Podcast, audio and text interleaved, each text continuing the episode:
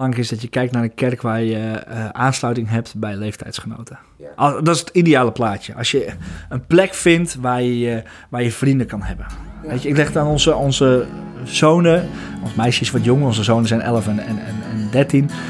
En vooral die oudste leg ik wel eens uit, dus die niet zo zin heeft om naar de kerk te gaan. Zeg ik van, ja, weet je, papa had ook niet altijd zin om naar de kerk te gaan. Maar kerk eh, is niet altijd leuk om te preken als je zo jong bent. Laten we even real zijn. Eh, dat, vooral als je 13, 14 bent, dan heb je niet altijd zin in een preek.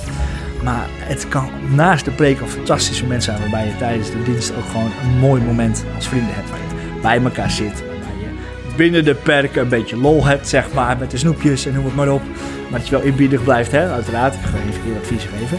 Maar eh, het is ook een plek van ontmoeting. En, en dat is denk ik, voor als je nu kijkt in de coronatijd, wat hebben we het meeste gemist? Niet die preken, die kregen we. Maar je moet ontmoeting hebben, je moet aansluiting hebben. Hey hallo, wat leuk dat je luistert naar Achter Jezus aan. Ik zit hier in de mooie Franeker met Jeroen voor het hekken. Jeroen, fijn dat je er bent. Nou, fijn dat jij hier bent. Oh ja, ik ben hier Jij natuurlijk. bent bij mij. Ja, nou fijn dat ik hier mocht zijn, dat je tijd voor me hebt. Eh, Helemaal goed, graag gedaan. ja, zou je jezelf eens willen voorstellen? Ja, ik eh, ben Jeroen voor het Hekken. Ik ben eh, al 36 jaar oud Zo, inmiddels. Dus ik ben een van die niet zo jonge christenen waar jij mee in gesprek gaat. Ik ben getrouwd met Chantal. Eh, dat is al heel wat jaartjes. We zijn in 2004 getrouwd, dus dan zitten we nu op 16 jaar getrouwd. En samen hebben we drie kinderen, Levi, Liam en een klein meisje genaamd Zoe. mooi. Ja, hey, deze podcast heet eh, Achter Jezus aan. En als ik dat zo zeg, wat is het eerste waar je dan aan denkt? Ja, die vraag had ik wel verwacht, dus daar had ik al een beetje over nagedacht. Oh, dat is Achter- mooi. achter Jezus aan. Nou, kijk, als je een heel mooi christelijk antwoord gaat geven, dan ga je zeggen: hè, lopen in de voetsporen van de meester. Mooi. Maar, maar dat is eh, volgens mij zelfs misschien een boekje of zo, maar dat weet ik niet. Eh, nee, wat ik aan, aan dacht is: achter Jezus aan, dat is heel veel, maar het is nooit saai. Het is nooit saai. Het is nooit saai. Het is altijd een avontuur en altijd een uitdaging. Ja. En dat is voor mij achter Jezus aangaan. Je, Ja. je, je beleeft ontzettend veel. Je gaat dingen doen waar je misschien in eerste instantie niet zo blij van wordt dat je ze moet doen. Eh, je gaat genieten. Je gaat eh, dus moeilijke momenten hebben, leuke momenten. En het is een avontuur en dat is nooit saai. Want jij zegt, ehm, je gaat dingen doen waar je als eerst misschien niet zo blij mee bent om te doen. Eh, heb je daar een voorbeeld van? Nou ja, ik denk dat je, dat je uiteindelijk dingen gaat doen wat, wat voor jezelf, waar je, waar je ja, buiten je comfortzone gaat. Ja, Heb ik daar een voorbeeld van? Nou, die heb ik wel, maar even kijken of ik even een eh, even geschikt weet. Nou, wat ik bijvoorbeeld wel heb gedaan is straatevangelisatie. ja, En ehm, dat is niet iets wat ik van nature heel leuk zou vinden, denk ik. Ik, ik vind het makkelijker om een video over Jezus te maken en die op internet te zetten. En dat daar reactie op komt, leuk of niet zo leuk, dat, dat vind ik prima. Maar de straat op gaan en mensen over Jezus vertellen, dat vind ik een grotere drempel dan eh, op mijn Facebook vertellen dat ik eh, van Jezus hou en dat ik Ja. hem volg. En daar moest ik wel een drempeltje over. Maar dat is zo goed geweest, ook voor mijn eigen geloof. Om, om ook, eh, nou, wat, je, wat je namelijk krijgt op het moment dat je de straat op gaat, is dat je hele kritische vragen van mensen krijgt. ja, En het helpt je voor jezelf, als je, nou, vind ik tenminste, als je naar die kritische vragen als je erover na gaat denken. ja, En dat je daar, eh, dat je met antwoorden voor jezelf gaat komen. Of voor jezelf ook concludeert dat het niet overal een antwoord op is. Ja, en dan moest ik wel echt eventjes buiten mijn comfortzone dingen gaan doen. Dat vond ik wel, eh, dat vond ik wel eng. Ja, dat Ja. eh, snap ik. ik. Ja. Ik ken het gevoel hoor, dat Ja. je dan op straat zit. En vooral als je dan met straatevangelisatie zo'n moment hebt, dat je dan een moment hebt waar je dan, nu moet het gebeuren, nu moet ik mensen over Jezus vertellen. En dan zie je ze lopen en dan, wie moet ik dan aanspreken, hoe werkt dat? Dat ja, of dat mensen je echt wel ontwijken met hun ogen, want ze willen toch zeker niet dat jij hun aan gaat spreken. Nee, dat is, eh, dat is gewoon, ik vind dat fantastisch om te doen. Eh, ik doe het niet zo vaak, maar ik heb er wel heel erg van genoten van die tijd. En ik kan een heel mooi gesprek met een jongen herinneren die we een boekje gaven. Volgens mij was het rond kerst, was het boekje Waarom Jezus. Ja, En dat hij zei, eh, ja, maar mijn moeder gelooft ook. ja, Ja, en dan woonde nu samen met zijn vriendin. En eh, ik zei, als je dan vanavond op de wc zit, misschien moet je de boekjes even lezen. Ja, maar mijn moeder gelooft ook. Ja, het is heel leuk dat je moeder gelooft. ja. Dat is niet jouw ticket naar de hemel, vriend. Nee, Als, als, als jij in de hemel komt, moet jij geloven. Ja, En eh, je mag blij zijn met wat je moeder je mee heeft gegeven, maar, maar jij, jij mag kiezen voor Jezus. Ja. Dat zijn dan wel heel mooie gesprekken. Of dat je ook wel de, de pijn soms voelt van mensen die in de kerk hebben gezeten. Dat zijn vooral de oudere generatie, Ja. mensen nog boven mij, die, die daar eh, ja, heel veel afwijzing soms, eh, soms hypocriete gedachten bij hebben over hoe het daar ging. En als je er tegelijkertijd daar de jeugd tegenover stelt, die, die, die heel vaak niet meer opgroeit in een christelijk gezin, Ja. Maar daardoor wel ontzettend openstaan voor Jezus. Dan krijg je weer hele andere gesprekken. En die willen graag dat je voor ze bidt. Dat vinden ze mooi. En, en Ja. ja. dus de, straatevangelisatie is wel echt iets wat ik aan kan raden als je eh, eh, ja, een boost wil hebben in je, in je vertrouwen in praten over God. Maar als je ook zelf geprikkeld wil worden om over dingen na te denken. Ja, echt uit je comfortzone gaan. Ja. Ik moet er altijd denken aan die afbeelding, die heb je wel. Dan is er één rondje, dan staat je comfortzone. En dan staat er iets verderop, zo'n klein stipje. En dat is waar de wonderen gebeuren. Ja, weet nou, je dat wel? is Dat- erbuiten. Ja. Dus daarbuiten. Dus Ja. juist, die, juist die plek opzoeken waar je het zelf niet meer kan. En eh, waar je het niet, zelf niet kent. eh. Ja. Gaaf. Hey, je zegt ehm, dat je ook wel vaak op Facebook en zo dat je dat wel makkelijk vindt. Want dat is iets wat jullie natuurlijk ook doen met, met de stichting. Strong Life ben je heel actief. Ja. Kan je daar wat meer over vertellen wat jullie... Ja, wij hebben in 2015, nou iets ervoor eigenlijk, maar in 2015 hebben we, zijn we actief geworden met Strong Life. Ja. Eh, 5 januari 2015 kwam onze eerste video online. En met Strong Life hebben wij het doel om tieners te helpen groeien in geloof. En dat doen we via het internet. Toen wij begonnen, eh, dat kun je nou niet voorstellen midden in coronatijd, maar toen wij begonnen waren eigenlijk maar heel weinig organisaties eh, actief om via het internet tieners te helpen. Eh, Om te groeien in hun geloof. Ja, Ja. Fantastische organisaties zoals Royal Mission, eh, andere organisaties die hele mooie evenementen organiseren. Maar eigenlijk was niemand met het internet bezig. Terwijl toen al tieners ontzettend veel op YouTube zaten. Ja. Dus toen wij daarvoor het idee hadden dat God ons eh, vroeg om, om ja, actief te worden in zijn koninkrijk. Actiever dan dat we deden. Dus echt te stoppen met mijn werk en dit te gaan doen. Toen zijn we gekeken, als we jongeren willen bereiken, waar zitten ze dan? En waar kunnen we nog iets toevoegen? We gaan geen e- evenementen organiseren. Dat, vonden we, dat paste misschien ook minder bij ons. En vonden we toen niet echt een toevoeging. Dus laten we gaan kijken waar de ruimte is. Nou, toen zijn we begonnen met Song Uit dus om, om video's te maken. En we plaatsen ongeveer elke week een video online waarin we een geloofsvraag beantwoorden. Waarin we eh, zelf delen wat wij hebben ontdekt bij een Bijbelgedeelte. Dus ik heb laatst eh, twee of drie video's gemaakt over het verhaal in Marcus 4, waar Jezus met zijn leerlingen naar de overkant van het meer gaat.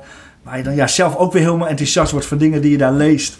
En die delen we dan. Eh, we gaan mee met eh, bekende christenen om eh, hun te volgen tijdens het spreken, tijdens het zingen, zoals Hanne de Vries. Martin Dol hebben we een video meegemaakt. De recht staat. om gewoon eens te kijken, ja, hoe beweeg je nou buiten het podium? En wie ben je? En wat is jouw hart? Om Ja. dat ook aan tieners te laten zien. Eh, dat is ja, even een notendop wat wij ongeveer doen eh, met Strong Life. Ja, vet. En het toffe daarbij is dat we niet alleen die video's maken, maar tieners ook de mogelijkheid geven om contact met ons op te nemen. En dat contact zetten we wel heel erg op in, ook proactief. Dus tieners die ons volgen op Instagram, als we, ja, als we zien dat ze jarig zijn, dan reageren we daarop. Als ze een broertje of zusje hebben gekregen, of als oma is overleden, of als ze een rotdag op school hebben gehad. En dat persoonlijke contact proberen we wel echt het verschil te maken. Want met een video bereik je massa. Ja, ja, ja. Eh, dan bereiken we wel, wel een niche, hè, dus we bereiken een kleine markt. Echt tieners die geloven in Jezus. Dat is niet de grootste markt die er is in Nederland, maar wel een hele leuke markt. Ja, Eh, maar in die gesprekken, ja, daar maak je hele mooie dingen mee. Met de jongeren die worstelen met het maken van goede keuzes op het gebied van seks. Die worstelen met identiteit. Die worstelen met eh, zich eh, geliefd voelen door Jezus. Geloven dat het ook echt voor hun was. ja. Ja, daar hebben we hele mooie gesprekken. Ja, want eh, dat, dat gebeurt ook. Er zijn veel tieners die ook contact met jullie opnemen. Ja, wat is veel, maar er wordt Ja, regelmatig... gebeurt, ja. Er wordt regelmatig Ja, contact gaaf. van, ja, en, en allemaal van zulke soort dingen. En dat is wel heel gaaf. Een vraag die we wel eens hebben gehad van... Hey, ik ben, eh, en, eh, was een Vitesse-fan. Ik ben heel erg fan van Vitesse. Oh, En ja, daar ga, ga ik nog wel eens een beetje te ver in hoe ik daar sta op die tribune. Ja, wat vindt God daarvan? Ja, zulke soort dingen. Maar ook wel vragen van, nou ja, van, van jongens en meiden die een bepaalde keuze hebben gemaakt op iets van seksualiteit. En dan aan ons vragen, ja, heb ik daar ver- verstandig aan gedaan? ja. En wat zou God daarvan vinden? Ja, dat zijn mooie dingen. En Ja. de minder mooie dingen zijn wel als jongeren die het, eh, die het leven niet meer zo zien zitten. Ja. En, eh, En ook dan probeer je ze te, ja, vol te stoppen met de liefde van Jezus. ja. Gaaf. Dat is dus iets waar jullie al mee zijn begonnen. En wat de rest van de kerk nu aan het proberen aan het eh, leren het is. was leuk ja, dat wij, eh, wij zijn geïnterviewd door, eh, ehm, wie is, is dat Julian? Ja, Julian te Brinken. Eh, of Jurgen, wat is het? Nee, Julian denk ik. Van Nederland Zingt. En Ja. die kwam hier toen net al die coronamaatregelen bezig waren. En die zei van, ja, dit is dus eigenlijk wat jullie altijd al doen. Ja. Dit is wat wij doen, ja. Ja. En we hebben naast de video's gaan we live op Instagram. eh, elke donderdag. Alleen zijn we nu een beetje meer aan het experimenteren om dat naar Zoom-meetings te verplaatsen Ja. omdat je daar de tieners ziet. Eh, je hoort ze. En dan zie je dat als we daar wat delen vanuit de Bijbel. Eh laatst had over hoop gedeeld. eh, dat, dat je dus hele mooie gesprekken daarna krijgt met tieners. En dat zijn soms maar kleine groepen. Soms zijn het er twee, soms zijn het er tien tieners. Ja. Maar dan heb je wel echt dat je heel mooi kan investeren in die tieners. En eh, dan gebruiken we gewoon eigenlijk onze video's opnieuw. Oude video's ga ik opnieuw in een preek brengen, zeg maar, of in een bijbelstudie. Ja, ja. En dan, ja, dan kun je echt de diepte in. Dan kun je met ze bidden voor waar ze mee bezig zijn. En dat is wel heel gaaf. Ja, want, want die Zoom, do- doen jullie dat nu nog steeds? Ja, Eh, dat doen we deze maand als proef. Eh, dus het is nu halverwege september. Ja, doen we dat de hele maand. Om te kijken van, hey, gaan we daar ook echt de Instagram lives mee vervangen? Ja, Eh, dat is gewoon gaaf om te doen. ja. Wij hebben het als stichting ook een tijdje geprobeerd, maar voor ons eh, werkt het gewoon niet eh, met, met tijd en zo. Maar wij, hebben- het was wel beter dan, ik merk wat je zegt, dat het beter was dan de Instagram. Want dat hebben we ook geprobeerd, maar dan zie je steeds poppetjes komen en weer weggaan. En je denkt van, hé, luisteren mensen, heb je wel contact? En met Zoom is natuurlijk inderdaad mooi dat je het contact hebt met de tieners. Ja. Dat ze vragen kunnen stellen. Het is gewoon een soort van bijbelstudie die je kan doen. Ja, ja, we beginnen altijd met een spelletje. Dan gaan we, delen we iets uit de Bijbel en dan vragen we waarvoor we mogen bidden. Maar wat Dus dat is nu dat ze bidden voor mensen die, hè, nu corona weer opkomt, was het donderdag van, hey, wilt u, eh, God wilt u alsjeblieft zijn met de mensen die, die ziek worden en de zorg. Maar ook eh, dat tieners bidden voor, voor eh, een, een broer of zus die woonruimte nodig heeft, omdat hij aan het studeren is. Eh, soms hele persoonlijke dingen waar ze mee worstelen. Dat is gewoon heel gaaf, dat je zo eigenlijk als buitenstaander, als kerel van 36, Ja, zo eventjes letterlijk in die slaapkamer van een tiener komt. ja, En, en zo, wat, eh, ja, zo, eh, ja, zo wat met hun mag delen. En het leuke van in die slaapkamer van die tiener komen is, is dat je door die webcam ziet. En je ziet wat van die tiener. ja, En dan met posters of niet. Eh, het is netjes op de kamer, het is een bende. ja. Dus, dus je krijgt een beetje een beter beeld. Er komt soms een broertje of zusje of een vader of moeder die kijkt van wat is dat nou Oh voor gekkigheid wat hier gebeurt. Ja, dat is gewoon heel leuk, zeg maar. Dus je leert die tiener veel meer kennen als dat je dat eh, zou doen via een, een Instagram live. Ja. Al moet ik wel zeggen dat ik mijn kamer altijd extra opruim als ik even een Zoom-meeting heb of zo. Maar eh, Nou, ik doe dat vaak als ik thuis ben op ons bed. Dat is echt het minst mooie gezicht wat er is. Want dan zie je alleen maar de achterwand. Eh, of op de kamer van mijn zoon, dan zie je een Ajax-vlag. Maar ja, sommige Rotterdammers zijn daar weer niet zo blij Ja, ja, mee. ja. Maar dat, eh, ja, dat, dat is eh, wisselend. Maar ja, nee, ja. Ik, ik ben niet zo goed in opruimen. Dat is mijn vrouw Nee, meer. ja, eh, moet ik maar een vrouw zoeken die eh, goed is in opruimen inderdaad. Ja, als je maar niet een huishoudster zoekt, dan wel een vrouw. Ja, ja, ja, dat, ja, is, eh, ja. dat is een kleine huwelijkstip, zeg maar. Hey, hey, maar je zegt, eh, dan beginnen we met een spel. Hoe werkt dat, een spel via Zoom? Daar ben ik tussendoor wel even benieuwd naar. Ja, wij doen heel vaak gewoon never have I ever. Dus dan is het never have I ever een arm gebroken. Oh ja, En door, dan mogen ze reageren met duimpje omhoog of duimpje naar beneden. Kun je zo op beeld doen of in de chat. ah ja, En dan kun je erover praten. hey, vertel eens even, je zegt dat je je arm hebt gebroken. Wat was dat dan? ah ja. Hoe, gegaan of eh, never I ever eh, eh, gespijbeld? Dan heb je daar gesprek over met de tieners. Dus dat is zulke soort vragen Ja, geeft heel makkelijk de, de- ja, de opening. Het zijn van die ijsbrekers, Ja, zoals we dat zo mooi noemen, om met tieners in gesprek te komen. En het zijn zulke simpele dingen. En ik, ik, ik bereid ze niet voor. Janneke, een van onze teamleden, doet dat. Eh, en die verzint elke keer weer spelletjes. Het kunnen bijbelquizzen zijn. Het kan dat zijn. We hebben eh, zo'n zo'n scavenger hunt hebben we gedaan. Dus dan moeten ze, noemen we zeggen, zoutvaatje. Dan moeten ze naar beneden rennen, een zoutvaatje pakken. Wie als eerste zoutvaatje heeft, die heeft gewonnen. fantastisch. Uh, het leuke van zo'n spel is, want dat is meer een tip voor, voor, voor jeugdleiders, zoals er jongeren zijn die ook jeugdleiders zijn. ehm, dat ouders gelijk doorhebben dat ze, dat ze bezig zijn met iets van de kerk. Want ze zeggen, wat ben je aan het doen? Ja, Ja, ja, van kerk een spelletje, we moeten even een zoutvaatje. Wat is een zoutvaatje? ja. Dat is heel leuk, dus als je in die tijden van corona, en ik hoop dat we het niet meer nodig hebben, maar als we naar het nieuws kijken, kan misschien wel weer komen dat we online jeugdwerk moeten gaan doen. Is het gelijk ook naar ouders een mooi signaal dat je als jeugdleider nog steeds betrokken bent bij je tiener. Want ja. eh, ze zien in één keer hun kind door het huis rennen, is enthousiast, leuk met een glimlach bezig voor de kerk.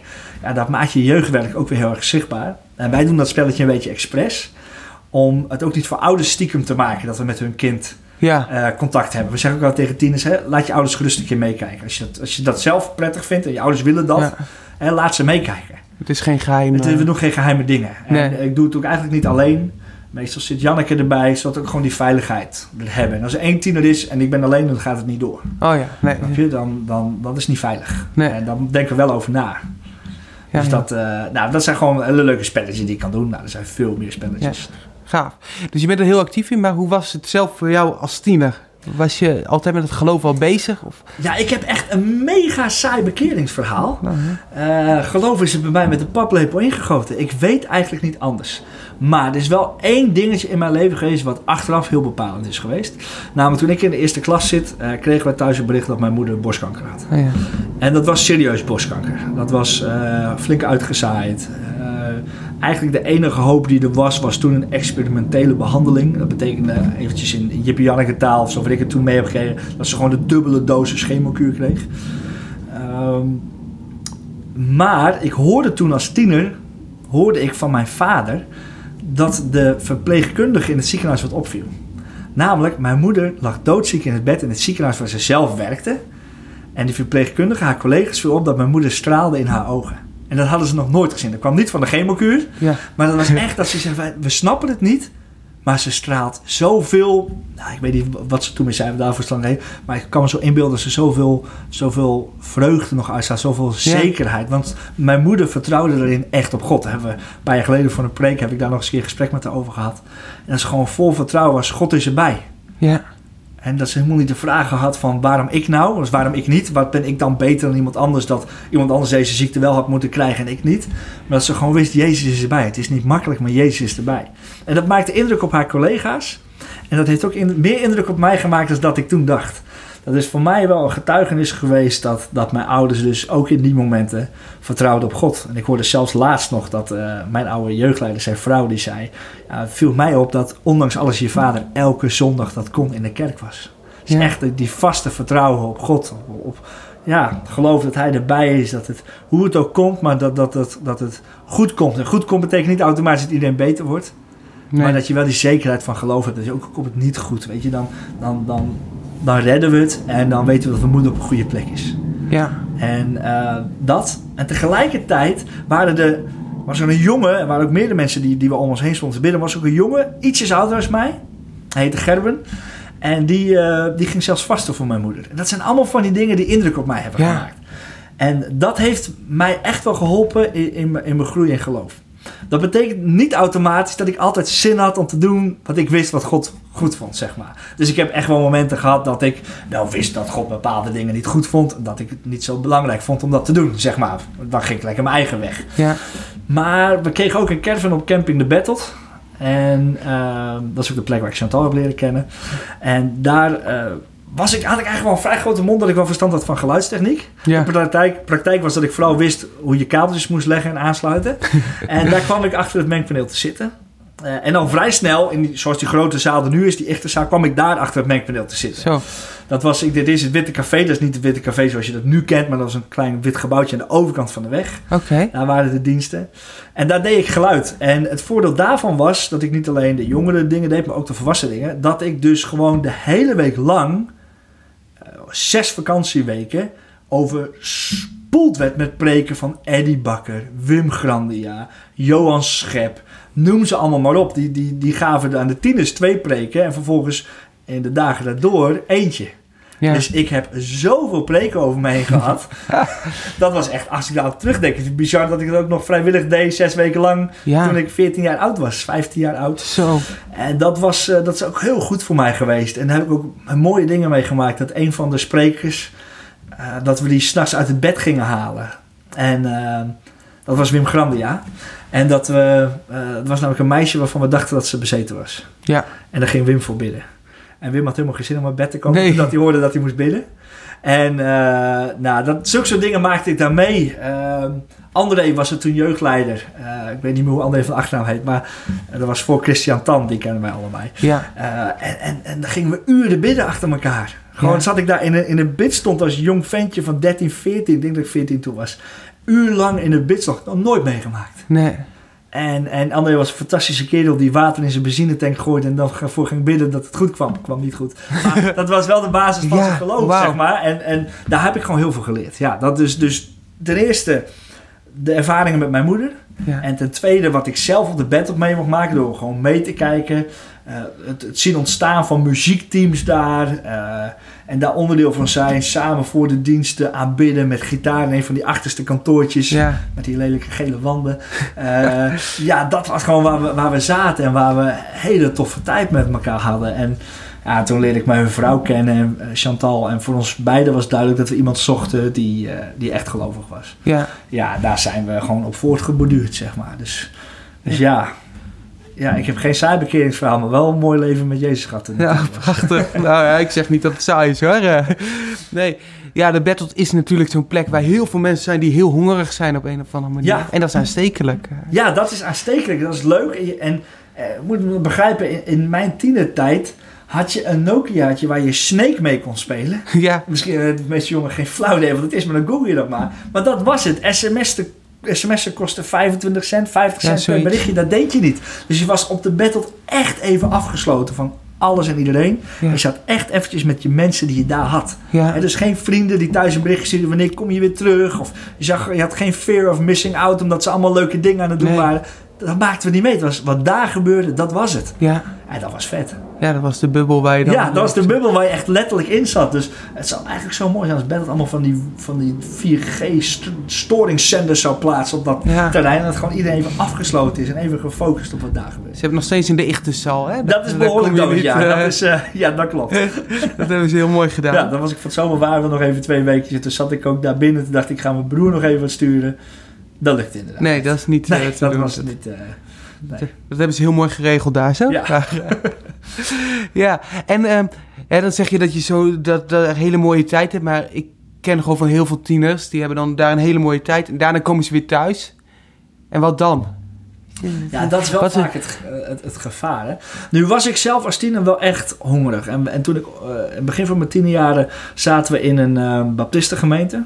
Ja. Maar ik ging samen met, met uh, een vriend van mij, dat was Gerben weer, uh, ging ik op zijn scootertje achterop mee naar de Pinkstergemeente. En ging ik daar vrijwillig zondagochtend twee uur lang naar de, naar de kerkdienst, zeg maar. Terwijl ik uit de Baptistenkerk kwam, wat volgens mij uit mijn hoofd binnen een uur echt wel klaar was. Ja, ja, ja. En dan ging hij gewoon een half uur, drie kwartier naar een preek luisteren. Ja, dat vond ik fantastisch. Ja.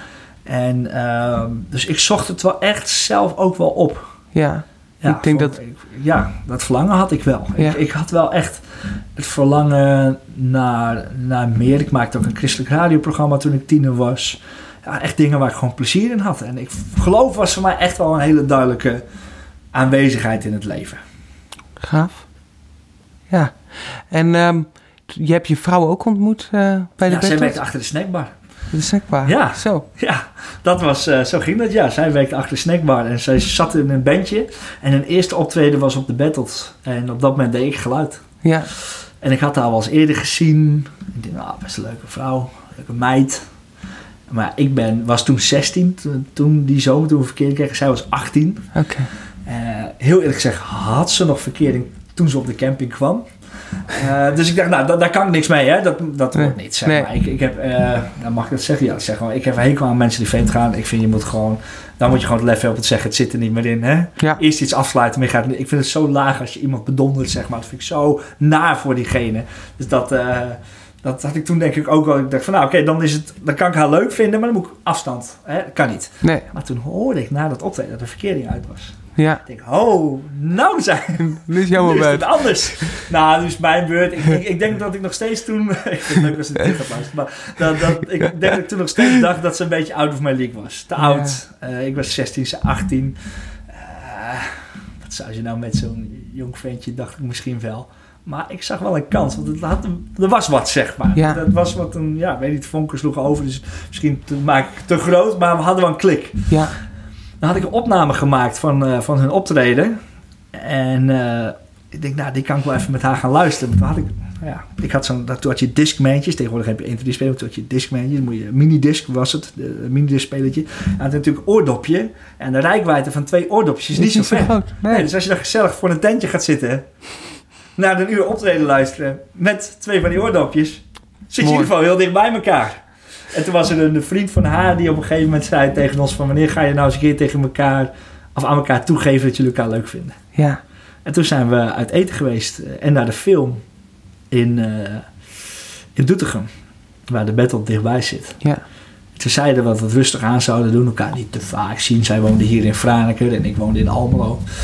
Maar ik denk dat we in die vier jaar tijd dat we een verkering hebben gehad... waarvan twee jaar verloofd... dat er heel weinig weekenden zijn geweest dat we elkaar niet gezien hebben. Wauw. Dus dan betekende voor mij dat ik op zaterdag een bijbaantje had bij een autogarage. Dat ik daar werkte tot vijf uur s avonds in de trein stapte om acht uur, half negen hier was en de volgende zondag, dus op zondag, om acht uur weer naar huis ging. Zo. Dan ging uh, al het geld wat ik verdiend had die dag, dat ging in die treinreis er weer uit. Zie. Ja. Prachtig. En uh, toen zijn jullie, jullie zijn ook vroeg getrouwd. Uh. Ik was twintig toen we trouwden, dus vier jaar later. ik denk, ik zat al wel wel eerder trouwen, maar ik wou mijn school afmaken. Ja. Ik deed mbo, systeembeheerder en ik vond het ja, wel een fijn idee dat ik mijn school af had. Ja, ja. Dus dat, heb ik, dat hebben we eerst gedaan. En echt letterlijk toen, toen, ik mijn diploma kreeg, toen vroegen mijn klasgenoten: wat ga jij doen? Dan ga je nu lekker werken bij een baasje. Ja, dat ook. Ik zeg: ga eerst over drie weken trouwen. Ja, ja. dus dat, ja, dat was ja, een mooie tijd achteraf. Je voelt jezelf dan al zo oud. Maar ben je nog een stelletje broekjes, joh. Dat, uh, je weet zoveel nog niet als je twintig bent. Dat, daar kom je later wel achter, zeg maar. Maar het is zo mooi als je dan al gewoon mooie stappen maakt, ja. Ja, en als jij zegt, um, toen je getrouwd bent, dan ga je in één keer samen achter Jezus aan. Ja. En hoe is dat om op zo'n jonge leeftijd dan getrouwd te zijn en achter Jezus aan te gaan, om dat samen te doen? Nou, voor ons betekent dat onder andere dat we samen op zoek wouden naar een kerk waar we, uh, waar we echt een connectie mee hadden. Dat was voor ons wel, wel lastig, want wij vonden dat hier in Franeker uh, toen de tijd, ja, hadden we niet echt een klik met de kerken. Drachtig geweest, met Bottomblij natuurlijk. Ja. Dat is toch wel een eindje rijden van de vier, dus dat doe, dat doe ik niet graag elke zondag. En toen kwam op een gegeven moment in Bolsward terecht. En uh, ja, daar hadden we wel echt een, klik. We hadden toen nog geen kinderen. Toen waren we drie, vier maanden getrouwd.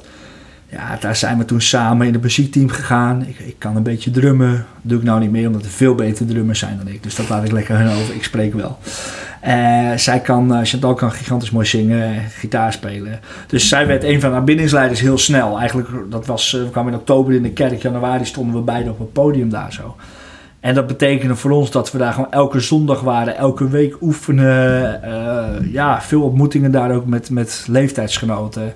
Ja. Uh, en eigenlijk zijn we dus vrij snel gaan zoeken naar een plek waar we ja, samen het fijn vonden en dus samen ook weer konden groeien in ons geloof. En uh, ja, zijn we daar wel echt voordat we kinderen hadden, dus gingen we er echt vol in. En, en, en ja, het was een hele mooie tijd. Ja, want als jij nu uh, jongeren zou adviseren en die zelf een kerk zoeken, wat is iets waar ze eigenlijk op moeten gaan letten dan? Wat is... Waar je op moet gaan letten. Ik denk dat het heel belangrijk is dat je kijkt naar een kerk waar je uh, aansluiting hebt bij leeftijdsgenoten. Ja. Dat is het ideale plaatje. Als je een plek vindt waar je, waar je vrienden kan hebben. Ja. Je, ik leg aan onze, onze zonen, ons meisjes wat jong, onze zonen zijn 11 en, en, en 13. Uh, vooral die oudste leg ik wel eens uit, als die niet zo zin heeft om naar de kerk te gaan. Dan zeg ik van, ja, weet je, papa had ook niet altijd zin om naar de kerk te gaan. Maar kerk uh, is niet altijd leuk om te preken als je zo jong bent. Mhm. Laten we even reëel zijn. Ja. Dat, uh, vooral als je 13, 14 bent, dan heb je niet altijd zin in een preek. Maar het kan naast de preek een fantastisch moment zijn waarbij je tijdens de dienst ook gewoon een mooi moment als vrienden hebt. Waar je bij elkaar zit, waarbij je binnen de perken een beetje lol hebt, zeg Ja. maar, met de snoepjes en noem het maar op. Maar dat je wel inbiedig blijft, hè? uiteraard. Ik ga even verkeerd advies geven. Maar uh, het is ook een plek van ontmoeting. En, en dat is denk ik, voor als je nu kijkt in de coronatijd, wat hebben we het meeste gemist? Niet die preken, die kregen Nee. we wel. Maar je moet ontmoeting hebben, je moet aansluiting hebben. Want ehm, je hoeft niet naar een kerk te gaan om christen te zijn. Maar onderdeel zijn van een christelijke gemeenschap, van een kerk, gaat je christen zijn wel heel erg verrijken. Je gaat je wel echt heel erg helpen. En uh, wij hebben een tijd in ons leven gehad, recentelijk, wat allemaal niet zo makkelijk was. En dan is het wel heel tof als je mensen hebt die om je heen staan, die voor jou kunnen bidden op momenten dat jij het even niet meer kan. Ja. En, en dat is wat je kan vinden in een kerk. Een groep mensen die zo om je heen staan. Of als je, als je ook kerk hebt waarbij je kringen hebt, of, of huiskringen, uh, groeigroepen, hoe je het ook allemaal maar noemt, waarbij je elkaar ontmoet. Ja. Uh, ja, ga daar nou op zoek. Dus een, een, plek waar je meer hebt dan alleen een zondagsdienst. Een plek waarbij je vriendschappen op kan bouwen. Ja. Waar je door de week ook echt. Mensen die je gewoon eens even opbellen. Uh, waar was je? Ik heb je al drie weken niet gezien, maar een oude echtpaar die dat deed. Mensen hebben toevallig afgelopen vrijdag nog mee geluncht en nu al boven de 70. Maar die gewoon belden van, hey, ik heb je twee weken niet gezien, hoe gaat het met je? Ja, prachtig. Nou, zo'n kerk, daar moet je naar op zoek gaan. Ja, ja. Waar mensen oog voor je hebben en waar je vrienden hebt. Ja, ja de mensen maken de kerk, hè? Dat ja, is niet het gebouw. Dat is niet het gebouw. Kerken zijn tegenwoordig ook al veel vaker in een gebouw wat helemaal niks met de kerk te maken heeft. de, dus het gaat, het gaat, wij zijn de kerk. En, en dus zoek een plek waar, je, waar dat wij is. En Ja. niet waar de dominee is en waar iedereen passief zit. Eh, Eddie Bakker omschreef het als misschien wel als een plek waar duikbootchristenen zijn. Waar op zondag gaat eh, de- van de duikboot gaat het, eh, het telescoop of hoe heet het ding gaat naar boven. Ja. Zijn we christen. En de rest van de week gaat het naar beneden en zijn we niet zichtbaar. Ah ja. Nee, er moet een plek zijn waar, waar, je- waar, waar, zicht, waar mensen zichtbaar zijn en waar, waar ze oog voor jou hebben. Dat is Ja. belangrijk.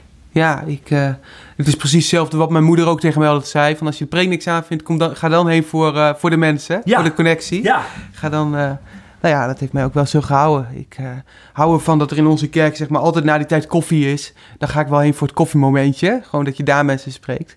Nou ja, en dat is nu een uitdaging omdat juist die momenten wegvallen. ja. Nu met de coronamaatregelen dat we geen koffie meer mogen Hoe doe drinken. jij dat dan? Hoe heb jij dan nog verbinding met andere christenen? Ik vind het op dit moment vind ik het heel lastig. Tenminste, in mijn eigen kerk is het heel lastig. Gewoon, het is, met een livestream lukt niet en zo. Maar wel dat ik mensen opbel. Dat ik met mensen gewoon afspreek. En mijn vrienden, wij zijn ook gewoon heel erg... eh, eigenlijk ook samen een soort van kerk. Ja, we spreken elkaar veel. We ondervragen elkaar. En eh, dat, ja. Ja, wij zijn gewoon mensen uitgenodigd thuis. Ja, Kom, kom op koffie. En gewoon kleine groepen, maar gewoon die verbinding te houden. Op een gegeven moment, ze noemen dat de huidhonger, dus dat het juist op een gegeven moment heb je gewoon echt die behoefte om mensen weer te zien. ja, Ik was er zo klaar mee. ja, Ja. wij doen livestreaming met Strong hè, dat doen we. Ik heb bij de kerk geholpen. Maar op een gegeven moment heb je gewoon die behoefte om, om mensen te zien. Om samen te geloven. ja. En, en weet je, ja, dan is, eh, ja, dat, dat is pittig soms, hè? Ja. Als het dan niet er is. Ja. Ja, ik heb dus ook dat we inderdaad mensen ontmoeten gewoon. En we gaan over een tijdje gaan beginnen in Hogeveen met jongere groepen. Gaan we elke week samenkomen om samen te eten en zo. Dus gewoon echt om elkaar weer echt te ontmoeten. Want ik geloof echt dat het voor jongeren belangrijk is dat ze een soortgelijke om zich heen hebben. Waar ze mee samen het leven kunnen delen. Waar ze getuigenissen kunnen delen. Met hun moeite kunnen komen en zo.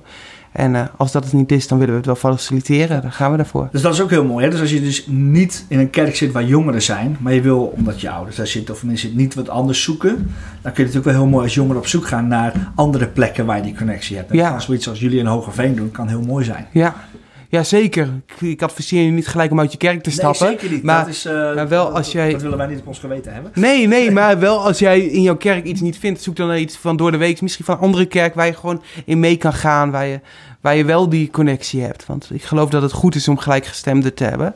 Mensen die jou motiveren om verder te gaan. Ja. Dat is, eh, Die uitdagen. Hè? Die soms ook eh, pittig, pittige vragen aan je stellen. Ja. Ik haal die oude man aan, die, die vroeg dan aan mij van, hoe is het met jouw relatie met God? ja, Ja. ja, dat is... eh, ik heb ook zo'n vriend die kan mij soms bellen. En als hij me belt, dan denk ik, oh nee, wat nu weer?